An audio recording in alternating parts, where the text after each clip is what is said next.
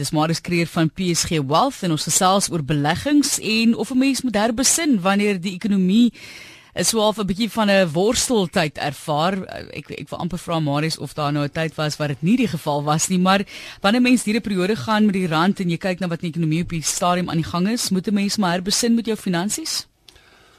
Matlies, ja, ek dink 'n uh, belangrike ding is dit hang net af, weet, as 'n mens 'n goeie proses in die plek gesit het in die begin, uh en ek gaan nou 'n bietjie oor die proses praat, dan moet jy daarby kan hou. As dit 'n langtermynproses was van die begin af, kan jy nie toelaat dat een of twee swak jare in jou 20 of 30 jaar proses jy nou heeltemal aan jou proses jou proses en jou strategie verander nie. En ek dink ehm um, wat mense net agterkom, mense weet van die begin af as hulle 'n sekere doelwit stel met hulle beleggings, dat hulle wil 'n sekere teiken bereik met met ander boekend inflasie of wat ook al. En dan begin hulle dit later al meet omdat ons so baie inligting kry ons kry eintlik weekliks. Hulle begin dit meet op kwartaal tot kwartaal en dan sit 6 maande en dan het as dit 'n jaar ewe skielik kom hulle agter maar hierdie jaar gaan dit nie so goed soos laas jaar of 2 jaar die afgelope 2 jaar gaan nie so goed soos laas jaar nie. En ewe skielik voel hulle nee nee, hierdie strategie werk nie ons moet verander. En uh, ek sal begin net nou 'n paar voorbeelde noem van mense wat dit wel gedoen het oor die afgelope tyd en dan kan jy myself beoordeel weet ja. was hulle nou reg of nie. En die ding is dit is baie moeilik is amper soos 'n entrepreneur met 'n besigheidsplan. Jy weet jy moet hom herbesoek elke nou en dan om te kyk is hy nog op die regte pad. So of 'n mens strategie moet verander of nie, is seker ook maar 'n moeilike vraag, maar die een belangrike ding is om emosie daar uit te hou. En hoe hou jy emosie uit finansies uit? Dit is 'n baie emosionele ding. Mense lê snags wakker oor daai sake. Ja, ek sien so dikwels op 'n oomblik sien ek dit nogal baie dat mense se emosies neem basies hulle besluitneming oor en dan reageer hulle ehm um, omdat hulle vrees. Hulle vrees omdat hulle nou 'n negatiewe prentjie sien. En 'n mens se brein is mos maar net so as jy 'n grafiek sien wat 3 kwartaale of 4 kwartaale agter mekaar of plat is of af is, dan sê jy vir jouself maar hoe ver moet dit nou gaan? Hierdie ding nou nog gaan voor hy by 0 is. En ehm um, dit is gewoonlik mense wat nie die regte proses gevolg het met hulle beleggingsstrategie nie en nie beplan het volgens hulle behoeftes vir die lang en die kort termyn nie. Want ek gaan nou net so 'n bietjie deur die beleggingsproses praat en dan sal jy miskien agterkom en luisteraars sal agterkom hoekom 'n mens sekere bates in jou portefeulje het en hoe hanteer jy daai bates in tye soos hierdie. Ek dink vanoggend waar die rand nou weer, ek dink hy het gedraai by 13.62 toe ek net toe gekyk het. Ek weet nie of hy is 13.58 op 'n stadium. Ewe skielik kom die mense agter wat nou die buitelandse blootstelling ehm um, wat wou ontslaa raak daarvan omdat dit laas jaar baie negatief was om die rand versterk het. Eweskielik het hulle nie die voordeel nie. En hierdie rand nou in 'n kwessie van 2 weke met seker 7-8% verswak. Met ander woorde daai daai voordeel is eweskielik uit jou portefeulje uit. Maar kom ek praat 'n bietjie ehm um, oor die beleggingsproses en sekere elemente wat dit moet vervat en ek dink wat ek baie keer agterkom Martelies is dat Uh dan kom 'n kliënt by my aan wat vir my sê maar dit vir my portefeulje lyk like, ek is nie tevrede daarmee nie. En dan kom ek agter maar daar was nooit 'n proses gewees nie wat die mense probeer het doen het is om te sê maar kom ons kies die beste beleggings van laas jaar wat baie goed gedoen het ons hoop dit gaan hoop dit gaan so aangaan. En dan is jy gewoonlik bietjie in die moeilikheid want dan is daar 'n paar van daai elemente wat nie vervat is in daai beleggingsproses nie. So, kom ons begin met die proses terwyl ek gaan vir jou kyk waar staan die rand op hierdie stadium teen die dollar R13.56. So met 'n persent op op hierdie stadium. So dit is waar ons op die oomblik staan. Dit is hier op RSG Finansies en onthou as jy ingevra het vir Marius, die kenner in hierdie gebied, dan kan jy vir ons SMS stuur 45770 R50 per SMS. So eerstens die beleggingsbeplanningsproses. Watter elemente moet dit vervat asseblief? Ek gaan net 'n paar elemente noem wat te maak het met die beleggings self, nie noodwendig met met ehm uh, belasting, kapitaalwins en boedelbelasting wat ook deel gaan word van die proses nie, maar net eintlik oor die beleggingskant. Ek dink eerstens moet enige belegger bepaal wat is sy behoefte ten opsigte van inkomste en kapitaal. 'n Persoon wat aftree sal tipies al twee behoeftes hê, met ander woorde hy sal kapitaal van tyd tot tyd nodig hê om miskien 'n motor te vervang of onderhoud aan sy woning te doen en miskien sy kinders oorsee te besoek maar hy moet maandeliks lewe. Terwyl 'n persoon wat 35 jaar oud is wat geld geërf het, miskien gaan voel nee, ek het 10 jaar wat ek hierdie geld wil beheer en ek het geen inkomste behoefte nie, so sy sy sy behoefte ten opsigte van inkomste en kapitaal gaan 'n bietjie anders te lyk. Uh, met ander ek moet weet hoeveel kapitaal ek gaan nodig het oor die kort termyn, medium termyn, lang termyn. Die beskikbare kapitaal gaan natuurlik jou risiko beïnvloed wat jy moet neem om by jou doelwit uit te kom. Wat ek daarmee bedoel is as 'n persoon na my toe kom en hy sê ek het 20 miljoen rand uh, in my pensioenfonds, maar ek het net 15000 rand 'n maand nodig. Dan kan jy vir daai persoon baie baie konservatief belê want hy gaan heel moontlik as jy die sommetjie maak, dink hy gebruik dan 1.5% van sy kapitaal per jaar. So hy kan wegkom met 'n opbrengs van 7 of 8% en hy gaan nog altyd inflasie kan klop met sy kapitaal genooit opraak nie. Maar dieselfde persoon wat vir jou sê ek het 15000 rand 'n maand nodig, maar ek het 4 miljoen rand. Hy kan nie wegkom met 8% opbrengs. Hy moet meer kry. En omdat hy meer moet kry, moet hy meer groeibates in sy portefeulje sit. Groeibates is tipies aandele in eiendom en ook buitelandse bates. Met ander woorde, sy risiko gaan hoër word in sy portefeulje. En as hy dan nie sy portefeulje reg struktureer nie, dan beteken dit in tye soos nou wat die mark geval het en die aandele minder werd is en die eiendom minder werd is, moet hy dan daai bates vir hom teen 'n verlies verkoop. Nou, die langtermynplan wat ons wil altyd opstel en ek dink wat in enige portefeulje te voor ehm um, behoort uh of teenwoordig moet wees is om te sê maar indien ek my inkomste en kapitaalbehoeftes bepaal het, ehm um, dan moet ek 'n kontantvloei opstel en sê maar hoe lank gaan dit my hou as ek byvoorbeeld 'n opbrengs kry van inflasie plus 4%, 10% vandag se tyd in my sak. Indien die kontantvloei vir jou wys die kapitaal hou 30 jaar en jou inkomste styg met inflasie, ehm um, en jy voel jou lewensverwagting op daai stadium is miskien 20 jaar, dan is jy mos veilig. Indien die kontantvloei vir jou wys dat jou kapitaal is op na 18 jaar en jy het 'n verwagting van 25 jaar lewensverwagting, dan het jy een van twee keuses. Of dan moet 'n nuwe inspuiting in jou kapitaal gemaak word vorentoe. Indien jy dit nie het nie, moet jy of jou lewensstandaard aanpas, min onder toe, met al jy moet jy moet met minder probeer klaarkom elke maand of jy moet jou risiko verhoog. So jy, jy een van drie drie keuses. En ek dink dit as mense nie hierdie proses heeltemal deurgaan en na al die opsies kyk nie, dan beland hulle waar hulle baie keer nou beland. As ons 'n bietjie praat van uh die volgende aspek wat ek dink wat deel moet wees, is die persoon moet dan bepaal wat is sy aptyd vir risiko. Met ander woorde, indien ek 'n beplanning doen en ek sê vir die persoon jy moet 11% opbrengs kry met ander woorde inflasie plus 5% om jou kontantvloei te maak werk, met ander woorde jy moet kan jou inkomste kry die verlang plus inflasie aanpassing vir die volgende 25 jaar. Dan gaan ek ook vir hom sê wat se groeibates met ander hoeveel van daai persentasie van aandele en eiendom moet in daai portefeulje wees. En natuurlik gaan ons 'n besluit maak ook oor die buiteland. En as die persoon glad nie aandele in sy portefeulje wil hê nie, want hy voel die risiko is te hoog, dan gaan hy dan kan hy in elk geval sy doelwit behaal nie, want dan moet hy die die veilige roete gaan en sê maar kom ons sit net 'n kontantbates en staatseffekte miskien en geldmark tipe instrumente en dan gaan dit in elk geval nie maak nie. So nou nou sit 'n mens by 'n punt om te sê maar goed, as 'n mens dan nou die risiko op tyd verstaan en jy verstaan wat moet jy in jou portefeulje hê om die langtermyn opbrengs te kry, doelwitte te behaal.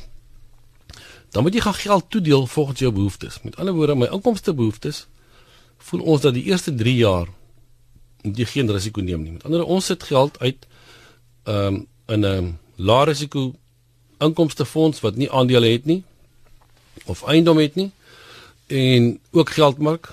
So eerste jaar se geld gaan tipies in geldmark wees, eerste miskien 2 jaar se geld en dan inkomste fonds die derde jaar. Met ander woorde, ek koop tyd met my bates wat ek risiko wil neem. So die persoon weet daar waar ek my inkomste trek, daar's die risiko. As die mark teen my draai, ek het tyd gekoop dat ek kan herstel. Maar 3 jaar is nie genoeg tyd om nou 'n klomp risiko te neem nie. So tipies wat jy gaan doen is jy gaan die eerste 3 jaar se inkomste baie veilig hou.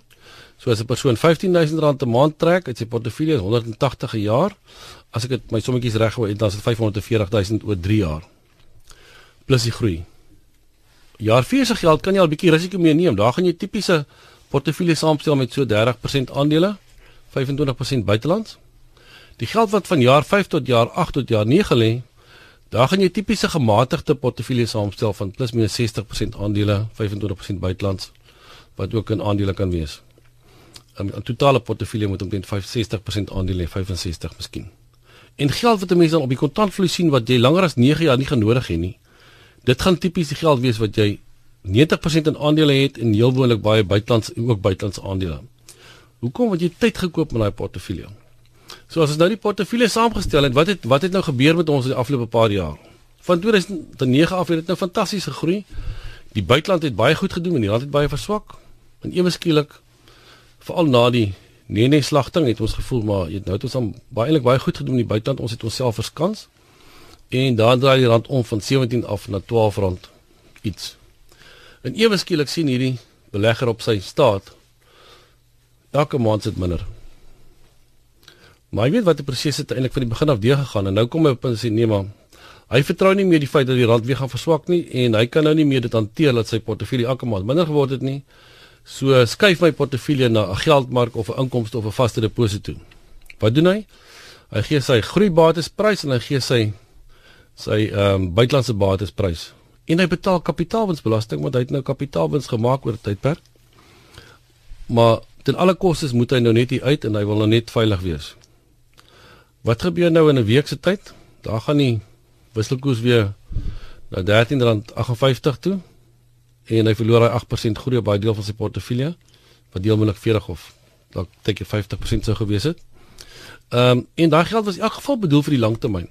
So die feit dat dit afgekom het, mense het dit nie nodig gehad om te verkoop nie. Jy het 9 jaar tyd met daai geld. Ons dink oor 9 jaar gaan die rand bly verswak oor lang termyn. Ons het dit gesien in die verlede. In daai tye gebeur daar goed skokke die kant toe en daai kant waar die rand laat versterk ensovoorts. En dis presies wat waar ek vanoggend wil uitkom. Sê maar Warren Buffett sê uh 'n mens neem risiko as jy nie verstaan wat jy doen met die geld nie. En ek dink baie keer gee mense geld vir iemand en hoop hulle doen die beste. Hulle verstaan eintlik daar nie daarmee nie of hulle verstaan nie wat die persoon met die geld doen nie. Waar hy belê nie.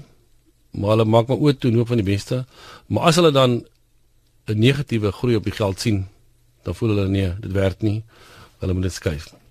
So ek dink dit is miskien 'n belangrike boodskap wat ek wil wat ek wil ehm um, weer kry. Ek dink 'n mens verstaan die konsep om te sê maar jy het korttermyn geld, medium en langtermyn geld. Die langtermyn geld is daarom dat mense van die begin af geweet het iewers gaan die mark jou vang. Iewers gaan die mark teen jou draai vir 'n tydperk.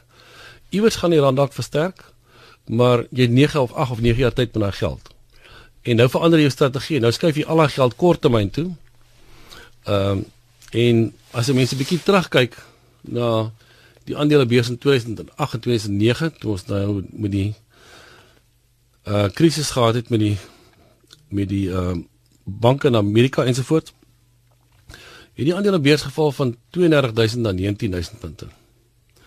Nou baie mense het daai skok kon hulle hanteer nie. Hulle het op daai op 19000 punte het hulle nou gegaan na 'n veilige hawe toe wat die of 'n bank of 'n geldmarkbelegging is.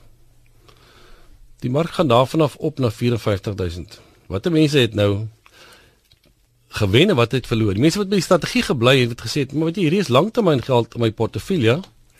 Want binne 3 jaar het die mark weer verbygegroei en ek binne 2 jaar die 32 en hy het nou gaan dra op 54. So wat die mense het verloor, die mense wat die strategie verander het in die krisisse het nie die opswaai weer gekry nie. Hulle het eintlik die verlies gerealiseer. Die mense wat gebly het, het weer die opswaai gekry. Uh 'n mens kan sekere aandele vat. Ehm um, Anglo American het laas jaar geval tot R50. Hy was op stadium 560, maar hy het toe vir R300 afgekom. En op R50 het baie kliënte gesê asseblief verkoop met my Anglos, ek wil hierdie goed is op pad na nul toe. En eintlik was dit die beste koopgeleentheid gewees op daai stadium. En toe gaan hulle weer na oor die 200 rand toe. Ehm um, Capitec het laas jaar of na die 9 in 2015 geval van 680 na 411 toe.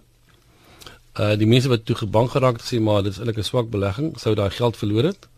Die mense wat daar gebly het, het nou 800 rand vir daai selfe aandeel. So Dis maar net 'n boodskap vir oggend te sê moenie jou strategie verander as jy weet dit was deel van jou langtermynstrategie om my bates te hou nie. Oor die langtermyn gaan hulle vir jou werk. Die feit dat hulle oor 2 jaar vir jou nie gewerk het nie beteken nie aandele gaan nou vir ewigheid in die ewigheid swakker doen as geldmark of as vaste deposito's nie. Uh 2 jaar 200 jaar se geskiedenis het, het dit anders te bewys. Daai uh, wipbrei kan party mense nogal vang. Ons het vir Marius Kreer in die ateljee van PSG Wealth wat ons help met daardie beleggings en emosionele besluite wat mense soms neem. Maar Marius net gou laastens kyk vir ons verduidelik, hoe bepaal 'n mens risiko? Want jy kry sekere vlakke van risiko. So jy kry lae risiko, medium risiko, hoë risiko en dan kry jy nog so 'n paar verskillende vlakke in die middel ook nog. So eh, ek dink is 'n uitdaging vir mense van jong persone wat graag wil begin belê vir later in hulle lewe en dan die persoon het nou afgetree het. Wat is jou boodskap vir hulle? Ek dink wel gewoonlik sal ons sê risiko is die waarskynlikheid om kapitaal te verloor. Ehm um, maar nou moet 'n mens bepaal jy moet 'n tydperk daar kan koppel. Indien jy nie tyd aan jou kant het nie, kan jy geen risiko neem. Anders dan dan sê ons jy's 'n spekulant. So mense wat dink hulle gaan aandele koop en verkoop elke week omdat hulle 'n bietjie geld maak op die een en ander op die ander een, hulle maak gewoonlik nie geld nie.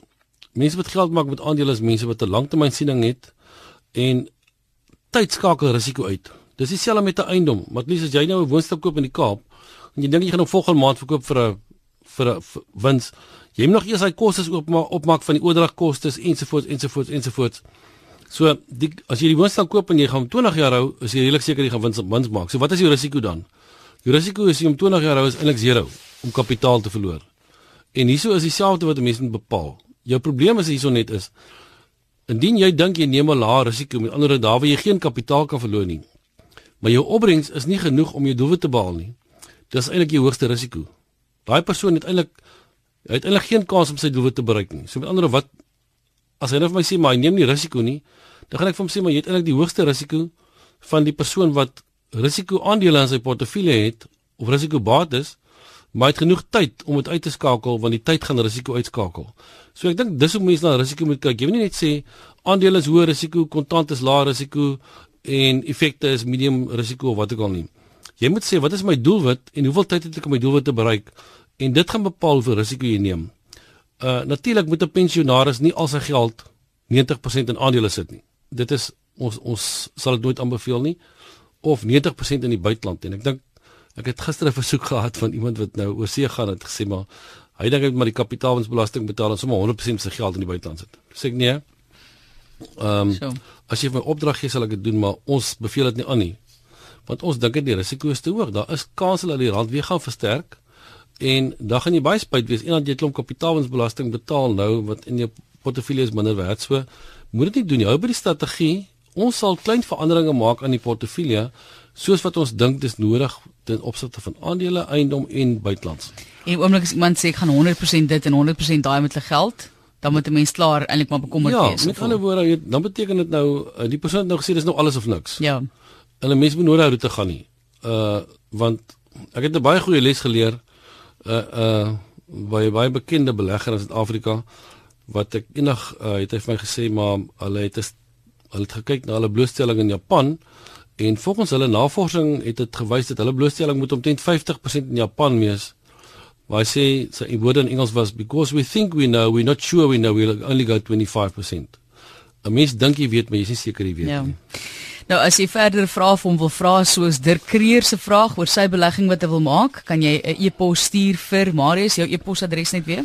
marius.kreer@psg.co.za. Baie eenvoudig, marius.kreer@ psg.co.za. Ja, ek wil miskien net noem ook van ons uh, seminar in Stilbaai, Martelisie 25ste, ons het 'n beleggingsseminar. Ehm uh, die oggend, ek dink is 11:00. Uh mense, dis in die plaaslike koerantjie gewees, hulle kan daai nommer skakel of ons nommer skakel. Die 0861 348 190. Uh ons doen die beleggingsseminar saam met party van ons kollegas in Pretoria, Willem Visser en ook saam met Prudential fondsbestuurders. En ehm um, ja, ons wil ook graag uh soveel mense uitnooi want ons gaan ook 'n bietjie praat oor hoe mense belê in hierdie onsekere tye om seker te maak jy bereik bereik jou doelwitte. Marius.kreer by psg.co.za net weer daai nommer asseblief. 0861 348 190. 0861 348 190. Dankie Marius vir die beredelike benadering tot ons emosies hier op RSG. Dis RSG Finansies en dis aangebied deur PSG Wealth Silver Lakes, George Sentraal en Mosselbaai Dias.